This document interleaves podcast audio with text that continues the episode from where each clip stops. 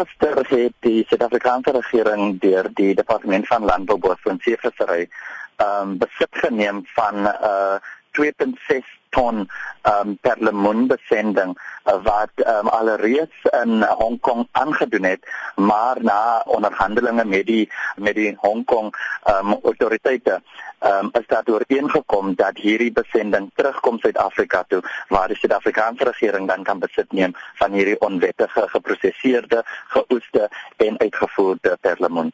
Die waarde van hierdie besending is um, plaaslik rondom 7.5 miljoen maar tydens die onderhandelinge met die Hong Kongse owerhede uh, met hulle dit weer aan aan hulle kant geraam op 27 miljoen rand.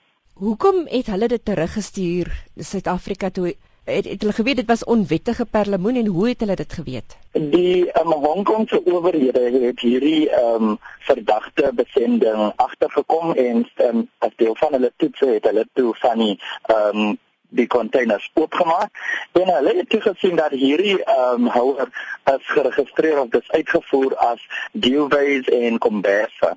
En onder hierdie ehm um, device en konverse het hulle toe dan nou die 107 bokse ehm um, gedroogde perlemoen gekry.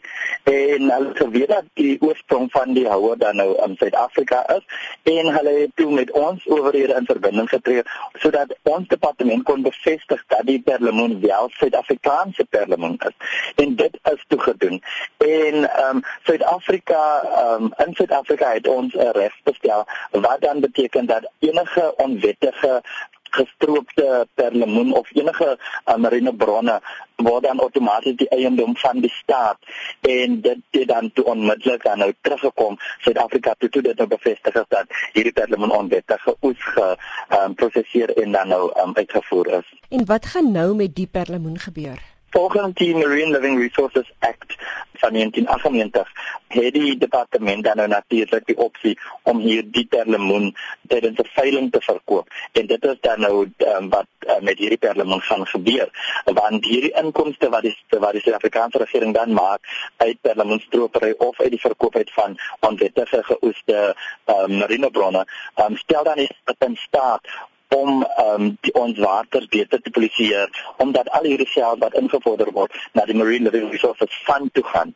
En dit is dan daardie fonds wat die Suid-Afrikaanse regering in staat stel om dan nou die water te polisieer